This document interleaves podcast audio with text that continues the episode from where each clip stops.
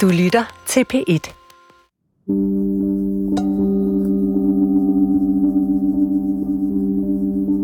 Det sjove er jo faktisk, at vi altid gik, det kan jeg huske i de gode gamle dage, da jeg sådan, øh, var startet derinde og sådan noget, så gik man altid og sagde sådan, hvis ikke det er sjovt, er det ikke Scientology. Nej, men så er det fucking ikke øh, Scientology, jeg har lavet, for det var med ikke sjovt. Og jeg kan godt mærke, at jeg sidder faktisk og bliver lidt gal nu, fordi der er simpelthen så mange modsigelser, og der er jeg også sur på mig selv over, at jeg simpelthen ikke øh, stod op og skreg simpelthen, øh, det her giver ikke mening. Eller det her, det er faktisk ikke okay.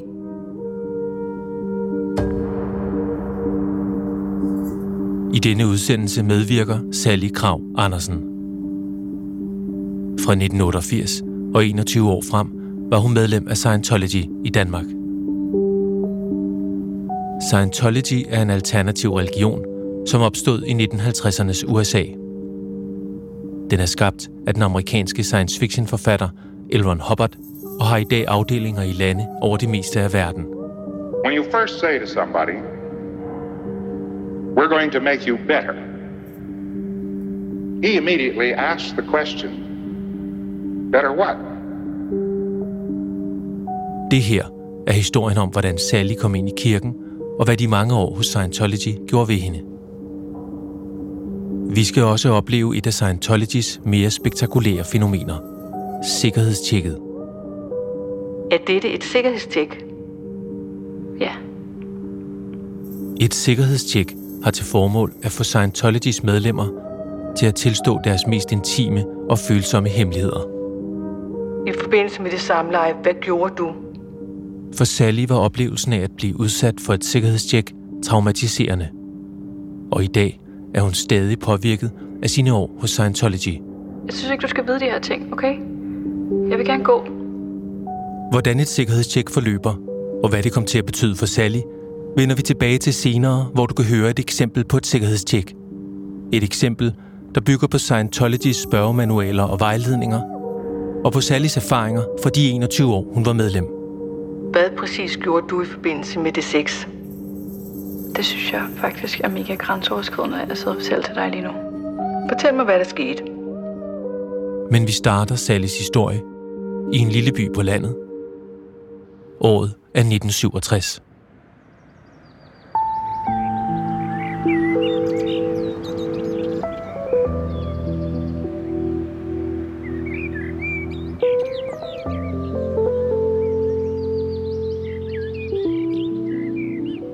Jeg er født på landet, og øh, min mor havde en blomsterforretning, og min far arbejdede i sin forældres øh, bæreri.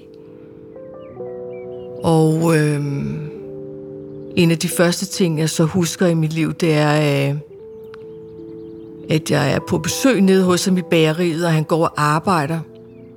Og jeg sidder på gulvet og lege med noget legetøj, og han går og arbejder mellem øh, de forskellige ovne. Og der er varmt og stille og dejligt, og solen skinner sådan ind for sådan nogle høje vinduer. Og så øh, lige pludselig så vender stemningen, og så, øh, og så står der bare sådan en sort skygge i døren. Og øh, jeg ved på en eller anden måde, at det er min mor. Og man kan sige, at hun er ikke i specielt godt humør. Og næste scene, det er så, at jeg sidder på forsædet i en øh, lille bil og bliver kørt væk. Og øh, det var så faktisk øh, sidste gang, jeg så min far.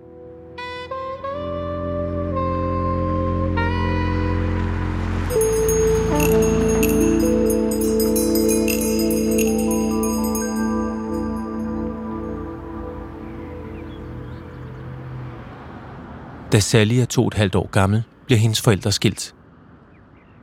Sally flytter med sin mor og lille søster i en villa sammen med Sallys morfar og mormor. Men Sally ser ikke sin far, mens hun er barn. I stedet er det hendes mor og mormor, der tager sig af opdragelsen. Så når vi sad øh, der om aftenen, og måske havde fået nattøj på, og det var sent, mindst 8 i hvert fald, så, øh, så kunne telefonen ringe.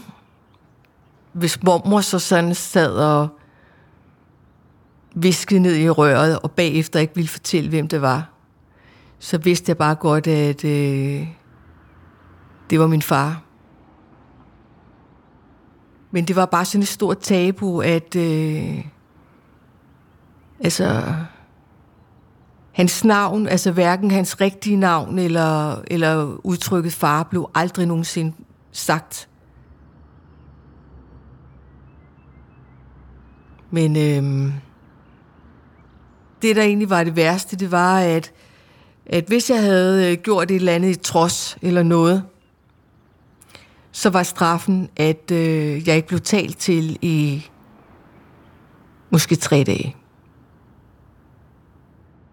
Jeg var lufter, altså jeg blev bare ikke talt til i en, to, tre dage.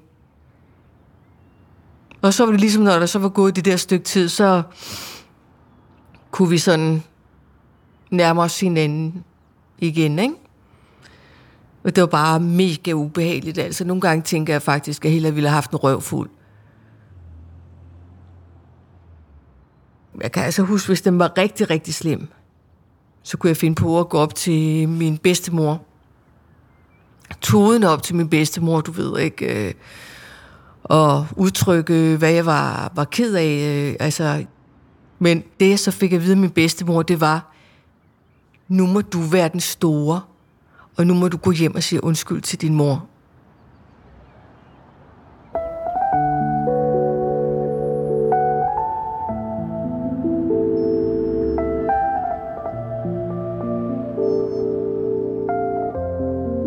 Vi springer nu frem til slutningen af 1970'erne. Sally er teenager og bruger det meste af sin tid på skolens bibliotek. Her drømmer hun sig væk i ungdomsromaner og fagbøger om alternative religioner. I samme periode finder hendes mor en ny mand, og sammen med Sallys søster flytter familien i et arkitekttegnet hus. Men familielivet udvikler sig langt fra lykkeligt, og efter få år går Sallys mor og hendes nye mand fra hinanden, og familien flytter tilbage til Sallys mormor. –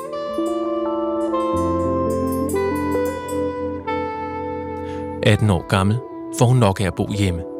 Hun flytter på et værelse i den nærmeste by, men hun holder kontakten til sin mor.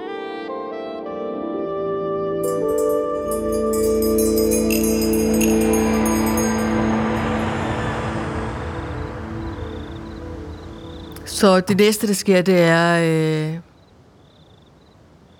min mor faktisk øh, inviterer mig... Det er i hvert fald min mor, der betaler. Og øh, øh, det, der skal ske, det er, at øh, jeg skal på sådan et øh, personlighedskursus, som øh, skal foregå nede i Spanien. Jeg er faktisk taget det ned sammen med min mor. Det synes jeg heller ikke er super fedt. Men det var en stor oplevelse at være på sådan et personligt udviklingskursus på et bjerg i Spanien. Ja, hvad, hvad lavede vi der? Vi lavede sådan noget øh, uautoriseret øh, Scientology. Tre gange tager Sally på det Scientology-inspirerede personlighedskursus i Spanien. Vi er nu fremme i midten af 1980'erne, hvor flere uautoriserede terapeuter har lavet sig inspirere af Scientologys grundlægger, Elvon Hubbards bestseller Dianetik. In the introduction to the book Dianetics, L. Ron Hubbard says, You are beginning an adventure, and may you never be the same again. Dianetics will conduct you on the most interesting adventure. Dianetikbogen er allerede på det tidspunkt en af verdens mest populære og bedst sælgende selvudviklingsbøger, som også Sally læser og bliver dybt fascineret af. What is it that makes your life negative, that makes relationships difficult? What keeps you from achieving what you want in life? Hun flytter til København og dyrker et ungdomsliv med masser af druk og byture, men er samtidig tiltrukket af Scientologys opskrift på det gode liv. Jeg kunne godt lide tanken om noget, der var meget firkantet. Og det øh, følte jeg måske, at der var et håb i det genetik eller Scientology, du ved. Læs det, øv det, gør det, for det er det ud af det. Og det tiltalte mig. You'll discover where your problems, uncertainties, and negative emotions come from, and how you can handle them effectively and permanently with Dianetics. Så en dag, der besluttede jeg simpelthen bare, at, øh, jeg skulle ind og, og lave en personlighedstest, og så se, hvordan, øh, hvad der egentlig ville ske ved det. Scientologys personlighedstest er et spørgeskema, der undersøger Sallys mentale og følelsesmæssige tilstand. Og selvom Sally søger en større ro og balance i sit liv, bliver hun alligevel overrasket, da hun præsenteres for personlighedstestens resultat. Og det viser sig så, at øh, jeg er nærmest ved at dø. Og jeg, altså, jeg vil også på selvmords rand, og jeg har lavet nogle forfærd, jeg har en forfærdelig fortid, og jeg har syndet så meget, at jeg slet ikke kan være mig selv. Han tager øh, noget materiale, en, en, en kursusmappe ned fra regionen, som han lægger på bordet og skubber hen til mig, og siger, at det her, det er den umiddelbare løsning på det problem.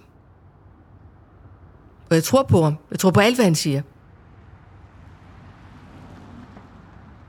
Det endte jo faktisk med, at jeg måtte låne telefonen og ringe til min mor og låne 500 kroner, så jeg kunne gå ind med det samme og påbegynde mit første kursus i Santollikirken Danmark. Der gik så 21 år, før jeg gik ud af den dør igen.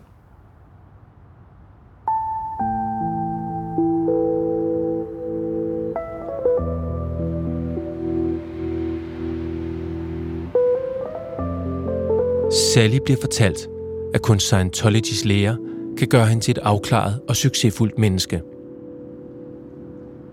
Hun tager det budskab til sig, og inden længe er hun et dedikeret medlem, der bruger det meste af sin tid og penge på kirkens aktiviteter. Jeg havde optur over, at jeg troede på, at jeg havde fundet en løsning på at kunne blive et lykkeligt menneske og kunne bonde bedre med andre mennesker og måske få succes i en form for karriere. Jeg fik jo hurtigt en masse venner, øh, eller hvad hedder det, venner på samme alder som mig, og de delte jo de samme ting som mig. Så vi havde jo en stor fælles realitet. I want to talk to you here today about some materials that were offered the public quite a long time ago.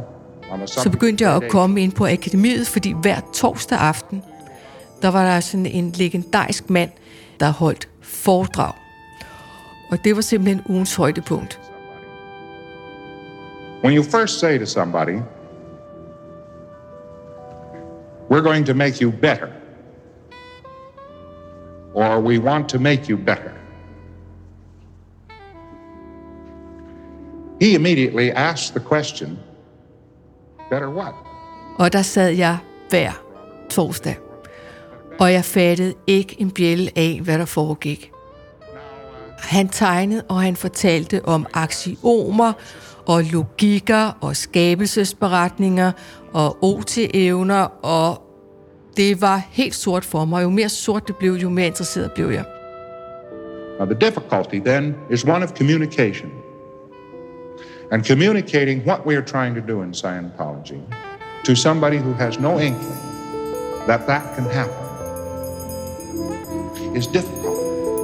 And one of the most difficult things in the world is to tell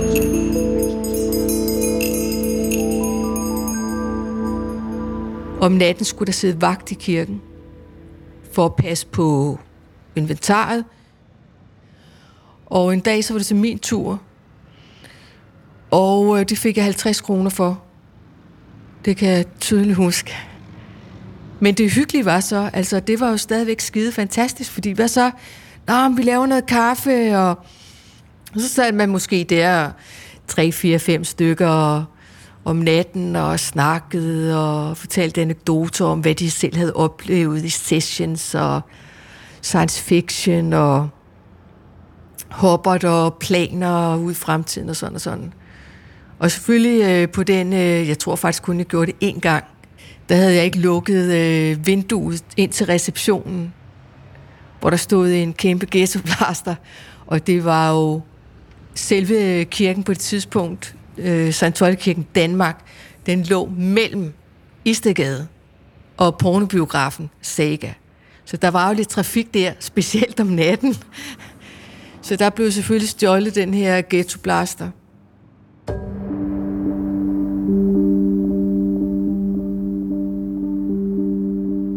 Altså næste dag, da jeg bliver afløst klokken 9 måske, der bliver det selvfølgelig opdaget, at der har været nogen inde i receptionen. Vinduet fucking står åbent, og ghettoblasteren mangler.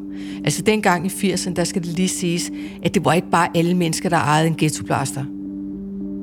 Og øh, så skulle jeg forklare mig. I Scientology, der er der noget, der hedder etikafdeling. Og det er ligesom der, hvor man bliver korrigeret, hvis man har lavet noget uetisk. Hvis man for eksempel har stjålet noget, nu har jeg jo ikke selv stjålet den ghettoblaster, men man kan sige, at jeg har jo ikke passet mit arbejde, det var mit ansvar. Så på den måde, så skal man ligesom gøre op for det, så man kan komme tilbage i en god tilstand, så man ikke skylder nogen noget, og så man har ren røv.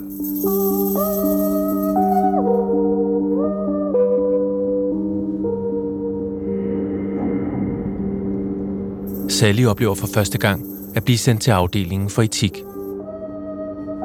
Men efter at have startet studier på Scientologys akademi, stifter hun også bekendtskab med en anden del af Scientologys kultur, sikkerhedstjekket. Formålet med et sikkerhedstjek, det er jo for personens egen skyld. At han bliver lettet over at være kommet af med alle sine synder. Et sikkerhedstjek er en interviewform, der har til formål at få den interviewet til at bekende en synd. Som eksempelvis at have opført sig uansvarligt på en nattevagt og mistet en ghettoblaster. Sikkerhedstjekket spørger ind til alle former for handlinger, som man vurderer, en person kan føle dårlig samvittighed over.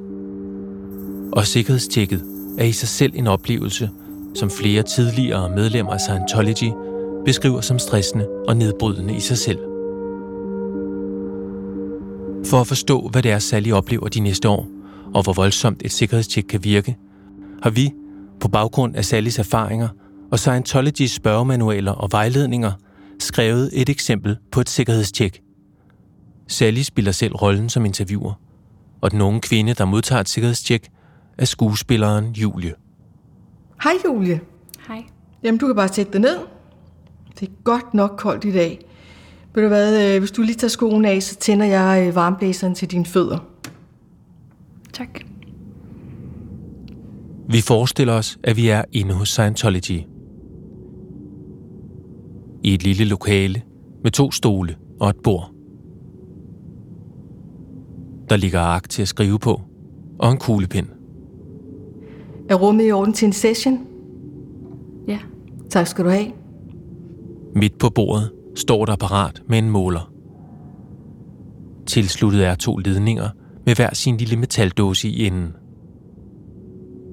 De to dåser skal holdes i hænderne af den, der modtager sikkerhedstjekket.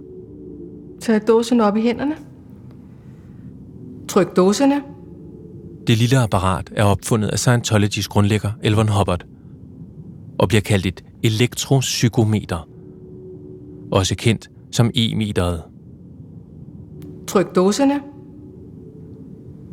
Tak. E-meteret sender en ufarlig svag strøm gennem de små metaldåser ud i hænderne og ind i kroppen på den, der bliver interviewet. Man tror på, at forskellige følelsesmæssige forandringer, som sker under interviewet, kan aflæses på e-meterets måler. Nu kommer første spørgsmål, og du er med på, at du behøver ikke at svare, fordi en meter svarer for dig. Ja. Rigtig godt, Julie. Start. Har du nogensinde levet eller arbejdet under falsk navn? Har du givet mig dit rigtige navn? Er du her med et andet formål end det, du siger? Spørgsmålene følger en manual, en confessional, som er skabt af Elron Hubbard. Udgivet internt og brugt i kirkens afdelinger over hele verden. Er du nogensinde blevet afpresset? Har du nogensinde smuglet noget? Formålet med de mange spørgsmål er at undersøge, hvor og hvor meget e-meteret slår ud.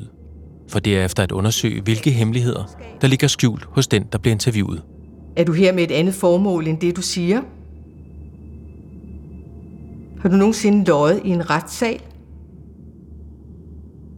Har du nogensinde haft noget at gøre med pornografi?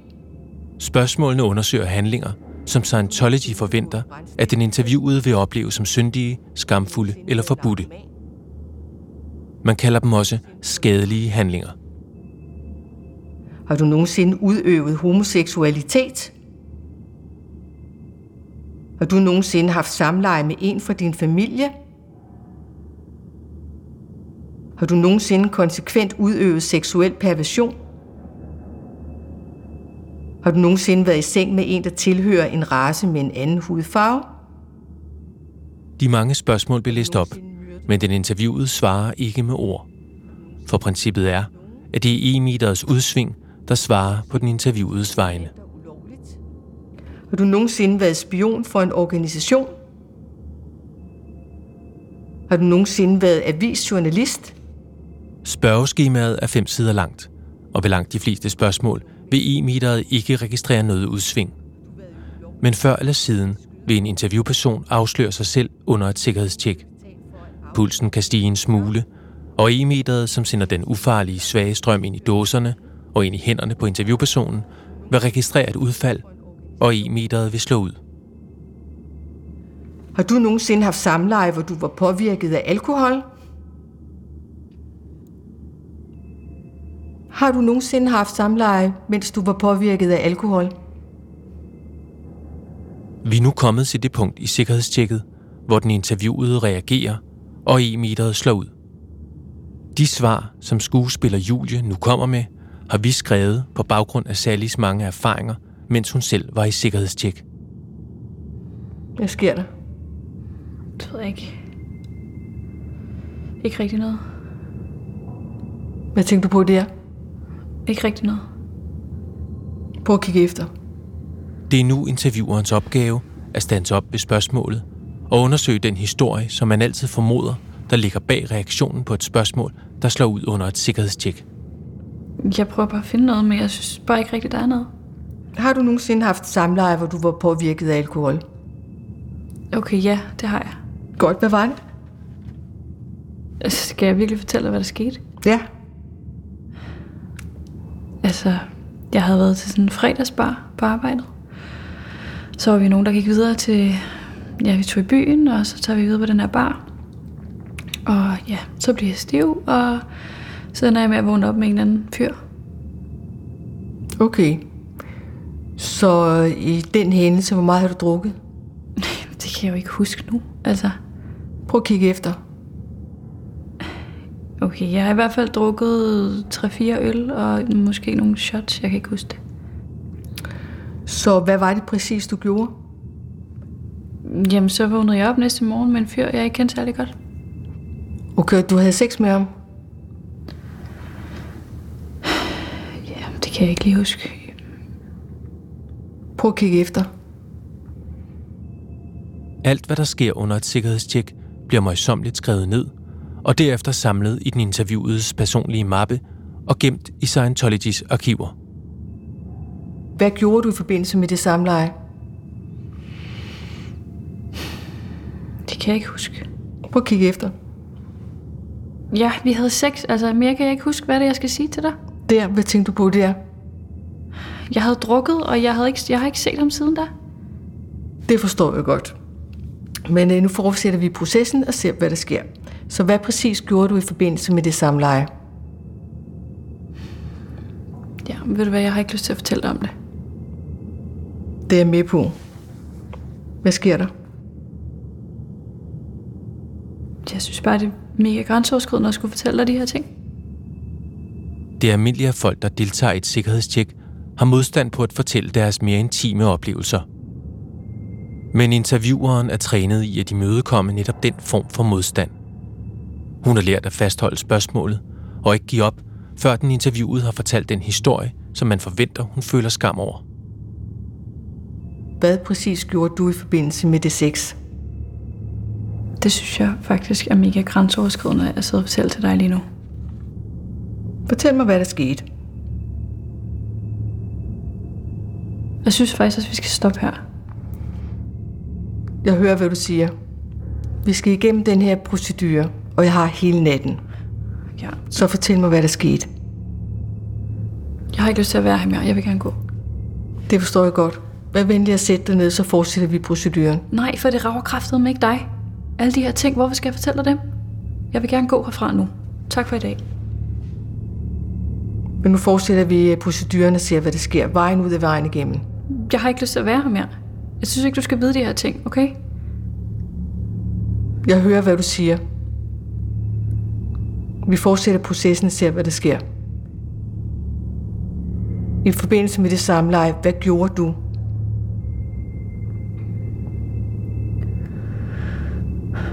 Okay. Vi ligger sammen. Og lige inden at han skal til at stikke den ind, så spørger han mig, om jeg bruger noget. Og så siger jeg, ja, ja, det gør jeg, jeg er på p-piller. Og så knaller vi ud. Intervieweren har nu indkredset den skamfulde eller såkaldt skadelige handling. Herefter er opgaven at få den interviewede til at fortælle den i så mange detaljer som muligt. Det er vigtigt, at selv de mest intime og personlige detaljer bliver registreret. Og så, ja, dagene og ugerne efter, så gik jeg jo bare rundt og var totalt angst for, at jeg var gravid, eller jeg havde fået en kønssygdom eller et eller andet. Jeg havde det virkelig dårligt. Tak skal du have. Er det altid den handling? Ja, Er der en tidligere lignende hændelse, hvor du havde samleje og drukket alkohol? øh, ja, det tror jeg, der er. Første runde af sikkerhedstjekket er afsluttet. Den interviewede har fortalt om den oplevelse, der lå bag spørgsmålet om sex og alkohol. Meningen er, at hun skal føle en lettelse over at have betroet sig til Scientology. Og hvis alting går som det skal, vil hun til slut i sikkerhedstjekket blive tilgivet for sine handlinger.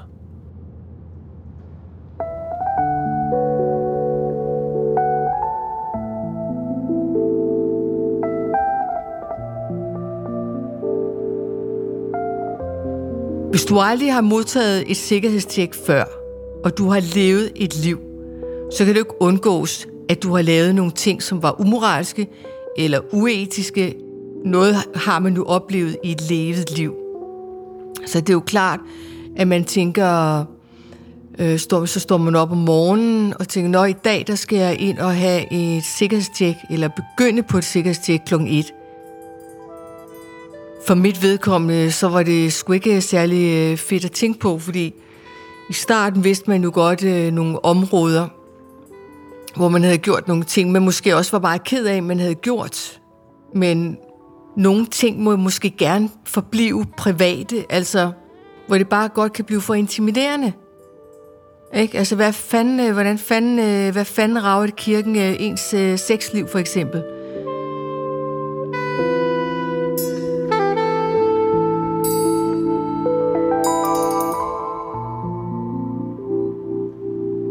Vi har forelagt Scientology-kirken Danmark den kritik, som fremgår af denne podcast. Til os fortæller de, at de ikke mener, at podcasten afspejler eller kan sammenlignes med det, der foregår hos Scientology. Vi har også forelagt kritikken vedrørende Sallys barndom for Sallys mor og lille søster. Men de har ikke ønsket at kommentere. I udsendelsen brugte vi arkivklip fra tv-foredraget Classification and Gradation med Elron Hubbard og fra informationsfilm om dianetik, produceret af Hubbard Dianetics Foundation.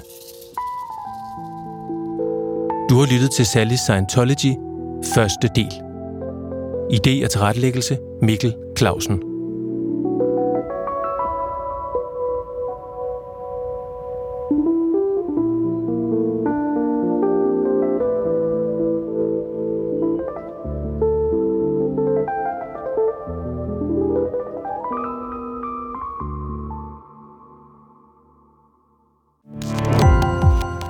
Gå på opdagelse i alle DR's podcast og radioprogrammer. I appen DR Lyd.